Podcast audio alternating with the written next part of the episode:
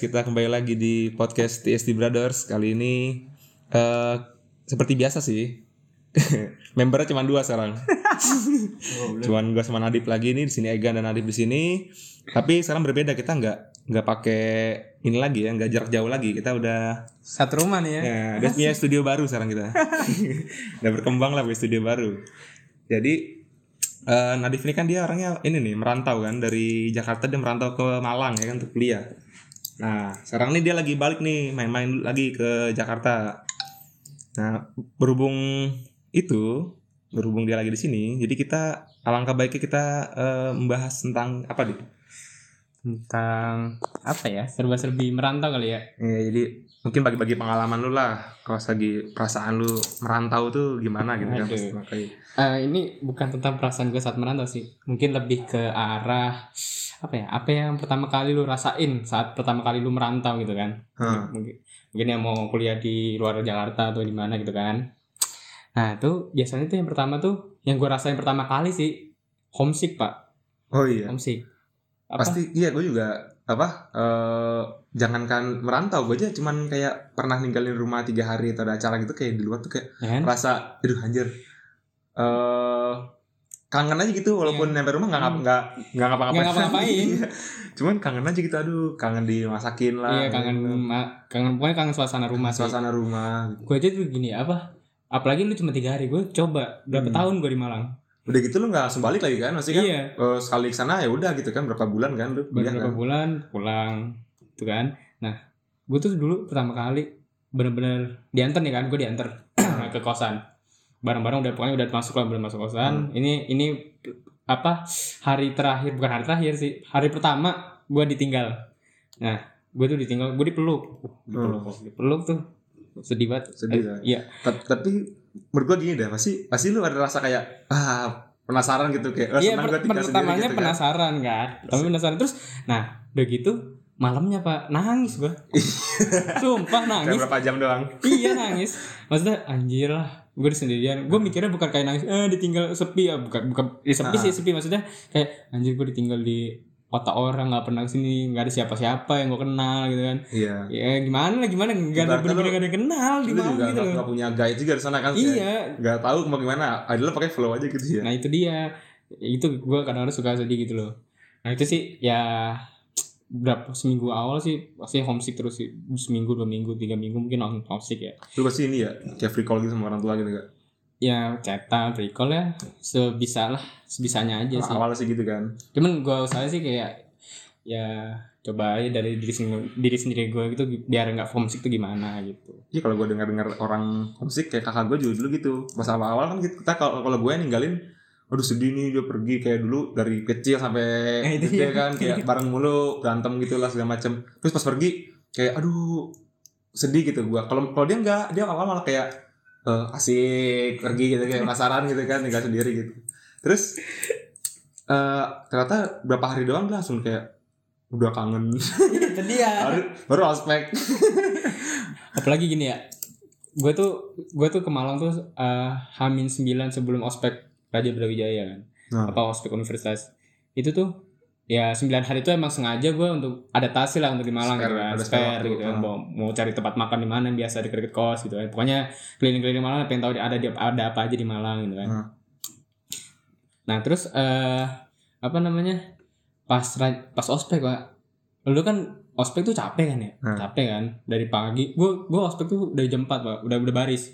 Pokoknya Iya, habis subuh sama, subuh juga gitu. subuh kan Subuh di subuh jam setengah empatan kan empat Hmm. kurang 15 jam 4 sampai 4.15 udah baris ya di kampus di Hmm. di pinggir jalan Hmm. nah itu dari pagi pulangnya sore jam 5 tuh capek banget ya Iya. oh, udah gua gua mau ngadu ke siapa maksudnya kan kalau gua capek biasanya dari sekolah nih pulang ketemu orang tua gitu kan Iya. aduh capek di sekolah gitu kan Ah. Ya, gue mau ngadu ke siapa coba di kosan? Bingung. Gue gitu. akhirnya nggak ngadu sendiri di kamar mandi pak, ngomong sendiri udah kesel sendiri. Nyampe rumah malah nyari makan sendiri lagi. Iya, akhirnya gila sendiri. gila. Parah sih. Tapi berarti pas awal-awal lu eh, pindah gitu, lu nyari ini gak sih? Kayak pasti kan ada ospek waktu tuh 9 hari dari lu nyampe Ah, sampai ospek ah. gitu kan.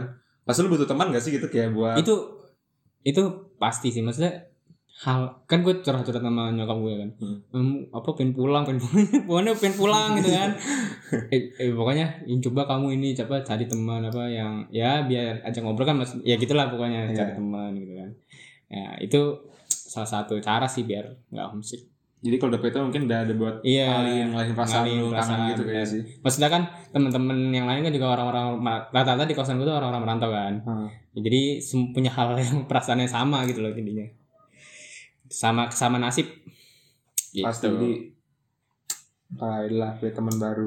Tapi berarti set- eh, setelah lu homesick itu kan mau nggak mau lu harus beradaptasi nih. Berarti lu harus melakukan semuanya sendiri tuh kan. Hmm, Berarti lu harus mandiri gitu kan. iyalah pasti. Itu itu poin apa penting selanjutnya sih setelah homesick yang lu rasain pas apa merantau. Apa gimana ya? Lu ya kayak tadi sih lu tinggal nih. Nggak ada siapa-siapa nggak ada yang bisa bantuin lu mau masakin lu mau apa. Ya lu mau nggak mau harus survive sendiri gitu. Beli makan sendiri mau masak sendiri mau ke mana-mana sendiri oh, dulu aja gua nggak ada motor jalan kaki gitu. Nah, lu ngerasa nggak? Apa ngerasa ini gak sih eh, awal-awal gitu? Kalau gue sih malah gue kan sebagai orang yang nggak rantau ya Hmm. penasaran aja gitu pengen hidup mandiri gue pengen hidup kayak kos sendiri bersih sendiri semua gue ngatur sendiri nggak ada yang ngatur gitu maksudnya. Ada rasa bebas atau gimana gak sih kalau lu? Apa ya rasa bebas sih pasti ya. Maksudnya Nah, eh kalau menurut gue ya merantau tuh bagus gitu untuk setiap orang. Hmm. harus ngerasain sebenarnya. Harus ngerasain hidup sendiri gitu di apa di kota orang gitu kan. Ya cuman ya ada ini sih plus plus minusnya. Gitu. Tapi- kalau misalnya untuk membentuk karakter sih ya karakter kepribadian lu cocok banget sih kalau lu merantau. Iya, itu kalau gue lihat dari orang tua zaman dulu pun ya, misalnya kayak angkatan bokap angkatan bokap gue gitu. Pasti orang-orang ya yang merantau itu sih lebih sukses tuh dibandingin kalau lihat orang musik kampungnya gak sih? Kayaknya. nggak tahu juga sih itu ya Soalnya kalau ngeliat dari ya dari mungkin omongan bokap gue gitu kan. eh, pasti teman-temannya gitu yang gak merantau sama oh saudaranya yang gak merantau mungkin gini sih lebih kayak eh, ya beda lah gitu. gua yang na- na- merantau. gua nangkepnya gini eh apa namanya kalau perbedaannya gini tadi kan ini kita dituntut mandiri kan. Hmm. tapi emang dituntut mandirinya itu bukan sebatas kata dituntut mandiri. Yang mungkin para pendengar mikirnya gini kan. Oh dituntut mandiri cuma masak ini ini ini. Cuma enggak coy. Maksudnya lu harus bisa apa ya ngatur kehidupan lu semua gitu loh. Belajar dewasa berarti. Iya, di situ belajar dewasa. Maksud, kalau misalnya mungkin ya sebagian orang kalau misalnya nggak merantau gitu kan, ya di rumah ada yang maksudnya maksudnya ya kehidupan lu mereka tuh pola pikirnya gitu takutnya hidupnya ya udah tenang-tenang aja ada orang tua gitu kan. Hmm. Nah kalau misalnya mungkin ya kalau misalnya orang-orang merantau tuh kayak gitu, ya apa? Jadi gua harus bisa apa-apa sendiri harus apa-apa sendiri gitu. Paling gitu sih mungkin makanya uh, orang-orang yang merantau yang kata lu tadi bisa lebih susah ya itu nggak tahu sih tergantung orangnya juga sebenarnya kalau misalnya dia merantau tapi duitnya banyak dikasihnya terus misalnya sebulan 10 juta gitu kan. Terus eh, motor dikasih ya. Jadi sultan di tempat orang ya. ya pokoknya jadi sultan. Ya cuman istilahnya harta orang tua lu pindah ke Malang doang. Biasanya cuma ada peran orang tua aja kali. iya. Cuma itu. ada sih temen kos gue gitu ya? sumpah ada. Ah. apa? Ya pokoknya serba hidup. Makannya GoFood ya Pak GoFood. Dua porsi malah. Gue tuh ngeliat ya Allah gitu kan. Enak banget nggak ya? Gue gak rada nggak iri iri amat sih. Ya udahlah dia hidupnya enak biasa dimanja gitu kan. Cuman apa ya ya gitu jadi nggak nggak dapet feelnya nggak dapet feel merantau Berarti kalau lu mandiri, lu udah hidup sendiri, semua kan berarti lu yang ngatur tuh semua Hmm. namanya kan. Nah, untuk dalam hal perekonomian gimana tuh? ekonomi ya Kata tadi kan tuh bilang temen Gini, lu kalau yang ya itu pasti nggak semua orang lah, hanya segelintir orang yang lu ngekos kasih duit banyak kasih mobil sendiri, motor sendiri. iya. Pasti rata-rata pendengar juga hmm. kita merasakan hal yang susah gitu untuk langsung ngatur. uang. gini sih gampang sih sebenarnya kalau gue caranya gampang aja sih kalau manage uang. Eh dikasih gue di, gue gue buka bukan aja kali ya. Hmm. dikasih gue bulanan dikasih satu juta dua ratus lima puluh. Hmm. itu terserah mau dipakai buat apa. Pokoknya satu juta dua ratus lima puluh. Hmm. mau buat buku mau buat apa. Nah tapi eh gue setiap bulan gue sisa setiap dikasih nih ditransfer seratus lima puluh ribu gue sisihin buat gue tabung. Nah itu gue tuh satu juta seratus dia itu aja kadang-kadang kurang pak sebulan. Tapi jadi itu lu bener-bener gue tuh karena tahu pernah gitu ya maksudnya gue tuh gue usahain tuh ngirit di awal. Ngirit di Iya, awal. di awal. jadi lu makan dua kali sehari terus pokoknya hal-hal yang nggak penting gak usah lu beli. Ah, mau apa ya pokoknya buku pun misalnya penting pinjam kalau bisa cari siapa kayak cutting gitu kan. Iya iya. atau minjem perpustakaan. Pokoknya usahain jangan beli yang harusnya yang yang tidak perlu dibeli gitu loh nah itu kan udah gue sisain satu eh, apa seratus ribu kan sisa satu juta seratus pokoknya gue gue irit-irit di awal di awal bulan gue irit bener-bener gue irit nah kalau misalnya di akhir bulan masih ada sisa alhamdulillah itu gue Berarti buat ampurin happy happy. Iya. Happy happy Jadi jadi tuh ya. orang kadang-kadang di akhir bulan makannya Indomie kan? Enggak, gue nggak makan Indomie, alhamdulillahnya. Jadi GoFood. GoFood. Jadi eh ada temen gue kantor ntar, Ah. Dip makan Dip. Ini udah makan gue beli GoFood. Keluar, udah. Jadi ya gitu sultan di akhir gitu maksudnya. Ya berarti intinya memanage duitnya itu ya mas, sih. tiap orang masing-masing beda-beda gitu. Cuman Iya. menurut gue bener kan kayak lu sih. Jadi kalau lu eh, kalau misalnya ada sesuatu yang darurat itu kan lu masih sisa gitu loh. Iya, Yakin itu kan? dia. Kalau misalnya di awal udah happy happy duluan, ntar ada bahaya cuy.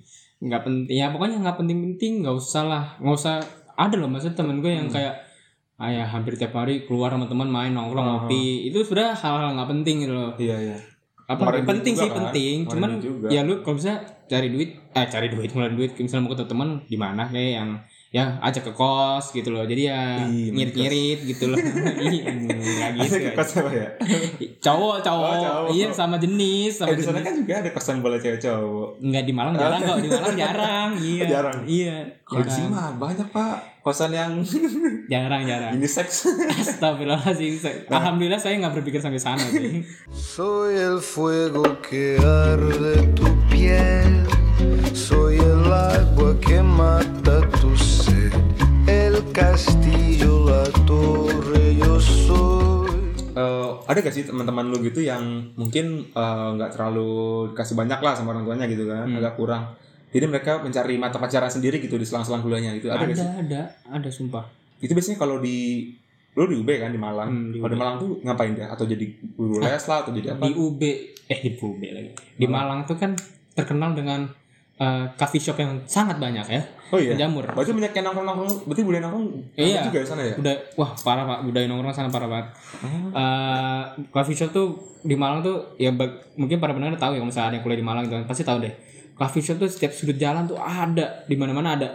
Di sampai di gang-gang kecil pun ada gitu, jalan-jalan kecil. Di, di samping rel kereta pun ada. Gue pikir cuman kayak di daerah Jaksel-Jaksel Tangerang sini doang yang rame gitu coffee shop. Ah. Di sana juga ya? Wah, di Malang menjamur pokoknya menjamur banget. Nah, itu teman gua ada buka usaha. Waktu mah itu mah modal bos. Eh? Modal dong gede bos. Enggak, buka usahanya enggak di toko, di mobil. Oh gitu. Iya, dia di, jualan di kampus. Dia dia buat tim beberapa orang ada yang punya mobil dia nyediain mobil nah dia jualan di situ. Itu otak entrepreneur, entrepreneur. iya jadi ya teman-teman ada sih emang uh, apa bukan penikmat kopi ya yang paham kopi lah maksudnya gimana Paham, ya. cara ngeracik kopi gitu kan. Ada dia jual di mobil gitu. Ya banyak sih sebenarnya. Jalan-jalan ada yang jualan makanan apa masak bener jual kayak makaroni skuter pun ada yang jualan Berarti kalau kayak gitu enak tuh dia bisa eh, lebih lah, bisa value banyak jadinya dibandingin dibandingin orang yang berharap duit dari orang tua doang kan. Jadi bisa kayak oke gue bisa uang lebih, bisa buat nabung, bisa buat beli sesuatu yang dia pengen. Itu kre- kreatif tuh. Nah, tapi gini kalau misalnya lu mau bisnis gitu kan atau mau melakukan pekerjaan, pasti lu butuh sosialisasi kan sama teman-teman lu kan. Betul.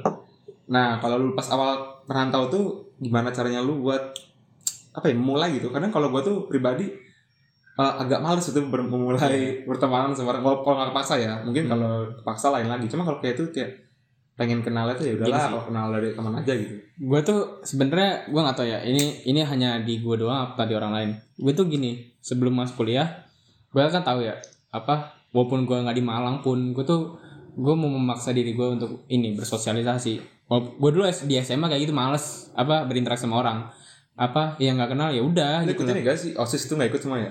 Enggak, Enggak ya? SMA tuh gue nggak nggak ikut ekstra kurikuler, kurikuler apa pun. Kepanitiaan pun nggak ikut apa pun. juga. Apatis. apatis. Di SMA tuh bener-bener real apatis. Cuman alhamdulillah nilai gue bagus. Iya berarti bagus belajar harusnya.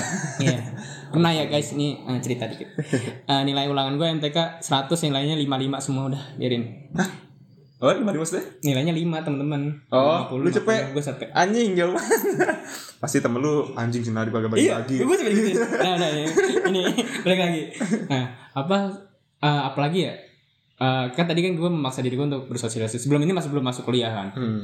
gue juga udah pokoknya udah ada rencana lah kalau kuliah gue ngapain ngapain ngapain nah apa? Apalagi gue di ma, di perantauan ya. Ini wah ini salah sebenarnya ini apa ya kunci penting sih untuk lu survive di di perantauan sih sebenarnya selain Harus punya link ya, punya teman. selain punya link ini untuk apa ya? Ya untuk selain apa untuk menghilangkan homesick lu lah untuk ya bener itu juga relasi penting gitu loh gue tuh makanya pas di Malang nih ya udah sampai kosan gue tahu nih apa wah gue nggak bisa gini terus gue harus kenalan sama orang lain. Gue kenalan maksudnya pas ada orang duduk di depan kamar gitu kan lagi makan.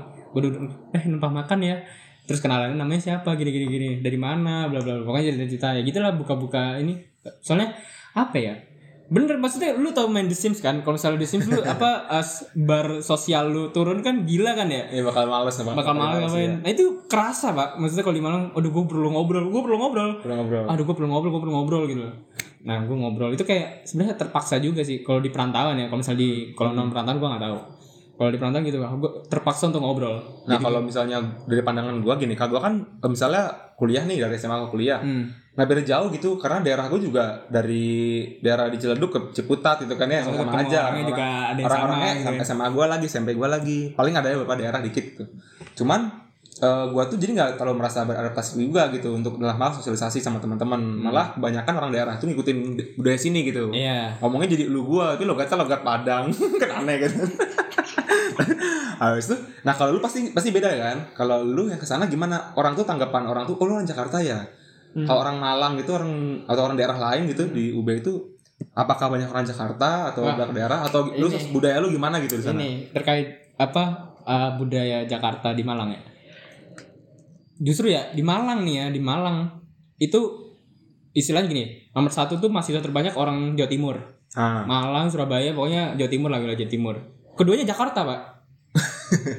Oh iya. kedua Jakarta. Hmm. jadi lu setiap hari nih kalau keluar mau ke kampus mau ke mana pokoknya di Malang lu keliling Malang pasti selalu nemu plat B. Plat B. nggak pernah nggak ada.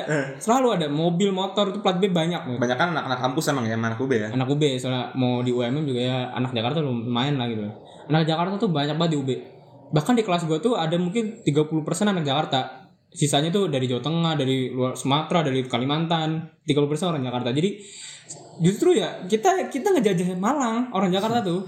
Berarti sama aja orang kalau di sini Jakarta mendominasi, di sana juga Jakarta maksudnya eh, orang tuh ngikutin Jakarta juga gitu budayanya? Atau Eh, sebenarnya gini kalau misalnya ini kan apa ya kalau misalnya istilahnya aduh gue lupa lagi kalau misalnya perpaduan budaya itu apa namanya? Asimilasi ya? Akulturasi. Ya? Apa pokoknya yang, Yang- sa- satunya hilang. Eh sa- gimana ya? Begitulah pokoknya. Gue lupa lagi mat Iya, pelajaran pelajaran SMA sosial. Lu gua nggak tahu, gua nggak sosial. ya geografi. Eh sosiologi kan itu gue nggak gue lupa. Hmm. ya pokoknya gitulah. Apa kalau misalnya di sini mungkin di Jakarta kan orang lu- luar di sini tapi ngikutin logat Jakarta kan. Iya. kalau di sana nggak masing-masing. Malang ngomong logat Malang Jakarta ngomong logat Jakarta. Jadi dia Oh. orang Jakarta bersosialisasi banyak sama orang Jakarta juga. Berarti lu mesti dua budaya jadinya enggak sih? iya Oh, jadi gitu ya? nggak bisa susah untuk disatuin gitu loh. Jadi kalau lu ketemu sama teman-teman lu yang mau orang Jawa, Malang itu lu jadinya ikutin dia gitu? Atau ya ngomongnya bahasa Indonesia. Bahasa Indonesia? bahasa Indonesia. Maksudnya ya harusnya sih. Gue gue sadar maksudnya gue gue anak orang rantau orang luar luar Malang ya gue kadang-kadang apa gue harus bisa belajar bahasa Jawa gitu maksudnya ya gue kadang-kadang nih belanja beli ya suun bu suun gitu. Ya, pokoknya ya. udah mulai mulai belajar lah. Ah, sebenarnya yang, yang bagus tuh gitu. Jangan orang Malang ngomong lu gua lu gua jadinya. Kita ya jajah jadinya gitu loh. Tapi emang di sana budayanya nggak bisa satu gitu. Kayak misalnya orang Jakarta semuanya jadi ngomong bahasa Jawa nggak. Kalau di Surabaya masih orang Jakarta yang ngomongnya jadi aku kamu pulang ke Jakarta jadi gitu ngomongnya aku kamu, Aku kamu. kalau gue kan masih lu gue kan Iya. logatnya belum berubah kan kayak gitu Dia udah ngikutin gitu ya? kalau di sana nggak bisa susah disatuin jadi orang Malang yang ya kita kalau misalnya ngomong sama orang lu daerah ya ngomongnya bahasa Indonesia kebanyakan Kalau ngomong-ngomong sama eh, soal daerah, eh gue bingung deh. Kenapa ya? Kalau orang Jakarta, gue sendiri pun kan juga pengen kepikiran gitu, pengen kuliah jauh, pengen jauh ke Malang gitu. Lu kan undangan ya, Unda- SNM kan? SNM. Lu kenapa milih UB dah? Maksudnya kenapa di Malang gitu? Kenapa nggak di UI, atau ITB gitu yang ya? deket? pertama sih gini kan gue pindah Surabaya kan Ah, walaupun itu deket ya Malang sama Surabaya itu tapi kerasa rantaunya sama sih maksudnya ya orang tua juga minta "Eh, udah di dekat-dekat Surabaya aja ya udah kita ambil Malang jadi lu sebelum lu itu mau pindah Surabaya ya? iya udah Sebelum ada mau udah- oh, udah- jadi emang sebenarnya gue tuh ngerantau tuh bukan karena apa ya niatan gue mau merantau pengen jauh dari orang tua jauh gitu. dari orang tua yang enggak maksudnya ya sebenarnya sih nggak tahu sih gue waktu itu terpaksa merantau sih sebenarnya kayak jatuhnya kali ya Hmm. Eh, tapi bener sih maksudnya walaupun gue di Surabaya dan Malang itu dekat ya cuman dua jam satu satu satu sampai dua jam perjalanan cuman itu tetap aja kerasa gitu loh, nggak di rumah sendiri tetap ngerasa gue beli Tapi rantaunya kalau lu tiap minggu gitu balik ke sih atau Enggak, tiap? Oh enggak ya? Jarang juga balik ya? apalagi kalau misalnya lu organisasi ya di Malang ya. Sibuk ya? kan bersosialisasi kan berorganisasi sibuk kan. Ap- apalagi gue dua, dua organisasi tuh jadi staf ahli. Dua organisasi dua kepanitiaan besar. Lu lu lu paruk semua ya? lu ambil semua tuh. Ngarep banget gue itu hampir sebulan lebih nggak pulang. Ya walaupun itu untuk orang yang tinggal di Surabaya ya Hmm. kuliah di Malang itu jarang maksudnya yang kayak gitu. Pasti pulang lah. Kenapa nggak ambil UNER aja? ah nilainya tinggi pak Oh, UB, UB masih tinggi bawahnya jadi gue ngambil UB maunya ambil UNER tadinya. Gitu. Ta- Tapi kalau UNER tapi alhamdulillah sih maksudnya dapat UB wah itu karena ini mungkin podcast selanjutnya kali ya Ah. jelasin kenapa ma- orang Jakarta harus milih UB aja. Iya, boleh tuh. Nah, eh, kalau gue pribadi rasa gini, aku pengen di Malang, ah kayak pengen jauh pertama, pengen rasa hidup sendiri. Terus kedua kayak lebih dingin lagi gak sih? Dingin Iya, kan? itu Iya ntar kan? aja dibahas ya kali ya Iya, iya, lebih iya. detail ntar Ntar kali ya, depan bisa diberikan ya. Jadi kayak udah waktunya udah cukup nih, kita langsung aja masuk ke kesimpulannya nih. Apa ya? Ah, mungkin kesimpulannya ya, kan sebab sebelum merantau nih temanya. Mungkin lu kasih tahu aja apa apa ya eh, merantau tuh bakal gimana aja gitu dari empat poin tadi. gua ya. gua nggak mau menonton bakal gimana ya Ah, lu nih seba- ya para pendengar nih yang mau mungkin yang dengar anak kelas 12 coba deh merantau apa eh, nggak bakal nyesel gitu loh walaupun mungkin awalnya takut gitu ya nggak boleh orang tua coba bujuk orang tua mah aku mau merantau Iya tapi kan gitu benar benar. Kalau lu mungkin masih eh, dekat lah ya Surabaya Hmm. Malang gitu. Orang tua lu juga masih ngebolehin. Kadang juga banyak orang yang pengen merantau tapi sama orang tuanya ah jangan jauh-jauh lah di sini aja Jakarta Iya. aja gitu. Sedangkan kepengenan kita tuh pengennya mungkin anaknya pengen bagus di UB lah, atau bagus pengen di eh, di mana lah di Se- Semarang lah. sebenarnya bagus ya di kuliah di mana sih nggak apa-apa gitu cuman Hmm. Eh, mungkin mungkin yang pendengar sini juga ada orang tua ya. Biarin anak untuk ini sih apa merantau sumpah. Maksudnya di sana Percaya tuh sama anak lah ya. iya percaya sama anak. Eh, maksudnya ya kalau misalnya emang takut ada apa-apa ya itu ya gimana? Maksudnya anak tuh harus bertanggung jawab atas dirinya sendiri gitu loh. Nah, sebenarnya. Kok yang jauh nggak apa-apa yang jauh keluar pulau juga nggak apa-apa kalau bisa. Iya. tapi kan uh, PTN kan bagus banget di Jawa ya. Ya udah jadi Iya. maksudnya ya apa ya? Bolehin lah maksudnya anak merantau gitu anak apa ya melatih itu loh melatih karakter gitu loh. Jadi pulang-pulang tuh beda sih pulang-pulang sumpah beda sih lah pak. Jadi seolah-olah lu eh, apa ya di, punya lilin nih lilin apa lilin mainan Hmm. lu lempar pulang-pulang kebentuk gitu loh. Iya. Iya beneran. Maksudnya gue ngerasa gitu sebagai walaupun gue di Surabaya di Malang gitu ya gue ngerasa gue eh, bisa gini gini gini ngatur duit sendiri gini Tapi lu iya, maksud lu ngerasa gak dibandingin lu sama teman-teman lu? Mungkin teman main lu lah SMA ke SMP ke eh, ketemu lagi sekarang Hmm. beda gak maksudnya ke kayak dulu gue sama dia sama deh dulu nih. Sekarang pas gue merantau dia merantau Ah. beda ya? beda Hmm. Jadi mereka apa? apa beda? atau ya maksudnya gue kayak nggak ngerti sih mungkin apa dia karena di kuliahnya juga nggak ngapa-ngapain gitu ya gue juga nggak ngerti maksudnya apa yang beda gue juga belum paham sih tapi ada rasa beda gitu loh gue gue jujur ya jujur ya selama kuliah di nggak tahu ini akibat merantau atau akibat kuliah gue ya gue lebih agak lebih sensitif sih orangnya jadinya ya misalnya eh kenapa ini jadi curhat lagi ya Gak apa-apa, gak apa-apa lah. apa ya Jadi Kayak- dewasa kali. Iya mungkin ya. Jadi kayak ngeliat orang-orang yang yang melakukan hal-hal nggak yang harusnya nggak dilakukan di umur-umur sekarang tuh jadi ya males gitu loh jadinya. Ngapain sih gitu ya? Kayak ada sih temen gue kayak ya tingkahnya masih kayak gini. Iya, cuman ya mau gimana gitu ya. Gue Ya, nggak bisa beda-beda gitu gitu kan. kan ya. Iya makanya gue biarin aja lah. Berarti kesimpulannya adalah lu yang merantau beraniin lah untuk merantau Iya. gitu loh. Terus kalau misalnya lu orang tua bolehin lah anak merantau. Iya.